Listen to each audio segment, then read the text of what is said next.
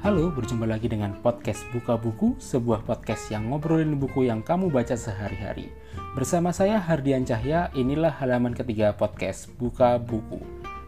Setelah dua halaman kemarin kita ngobrolin buku non-fiksi, untuk halaman ketiga ini kita akan ngobrolin buku fiksi. Buku fiksi yang akan kita obrolin adalah buku fiksi karya novelis asal Belitung, Andrea Hirata bagi teman-teman yang mengemari novel-novel karya penulis dalam negeri, mungkin Andrea Hirata bukanlah orang yang asing di telinga teman-teman. Setelah karya fenomenalnya Laskar Pelangi, Andrea terus menulis hingga buku ke-11-nya yang baru saja keluar yaitu Orang-orang Biasa. Saya membaca hampir semua karya Andrea Hirata kalau saya ditanya karya mana sih yang paling berkesan buat saya, saya akan menjawab karya ketiga, Eden Sor. Teman-teman yang mengemari Andrea Hirata, karya mana sih yang paling berkesan buat teman-teman?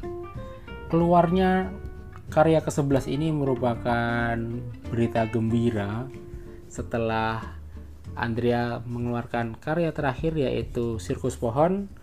Saat ini Andrea mengeluarkan orang-orang biasa. Bagi teman-teman yang belum membaca dan ingin membaca, mungkin teman-teman bisa skip dulu podcast ini kalau-kalau ada spoilernya nanti. Novel ini berkisah tentang 10 pecundang yang bersahabat sejak SMA dan mereka ini merencanakan kejahatan semacam kebodohan yang bertemu dengan rencana kejahatan yang rumit. Ya teman-teman bisa menebak lah akhir dari cerita novel ini tapi teman-teman siap terkejut dengan plot twist yang ada di akhir novel ini. Tapi sebenarnya apa sih yang ingin diangkat Andrea melalui novel ini?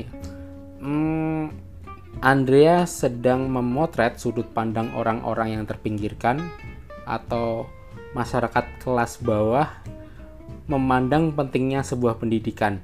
Uh, bagaimana kesan pendidikan bagi orang-orang yang orang-orang ini nih kalau nggak ada di masyarakat, masyarakat juga baik-baik aja tuh.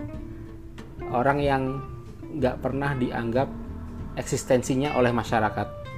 Dia memberi alasan yang jelas mengapa pendidikan menjadi uh, sebuah eskalator status sosial di bagian awal novel ini, Andrea memaparkan alasan mengapa pendidikan sangatlah penting bagi masyarakat. Ada trauma yang diidap atau yang dirasakan oleh masyarakat bawah tentang keterbatasan pada akses pendidikan. Dan Andrea juga memotret perjuangan kelas bawah untuk mengakses pendidikan tinggi yang berkualitas yang hanya sekarang dirasakan oleh masyarakat kota atau masyarakat kelas atas. Yes, mungkin sekilas novel ini bercerita tentang kejahatan atau kriminalitas, tapi sesungguhnya Andrea tidak meninggalkan rohnya untuk bercerita tentang pendidikan dan masyarakat. Oke, kalau kita bahas teknis novel ini, uh, Andrea tidak menampilkan kisah-kisah romantis yang selalu ada dalam setiap novelnya.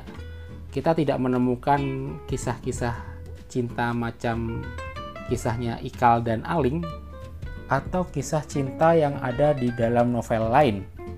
Kalau kita ngomong tentang Andrea Hirata ya, uh, Andrea selalu menampilkan kisah cinta tragis romantis dalam setiap novelnya dan hal itu nggak hadir tuh di novel kali ini.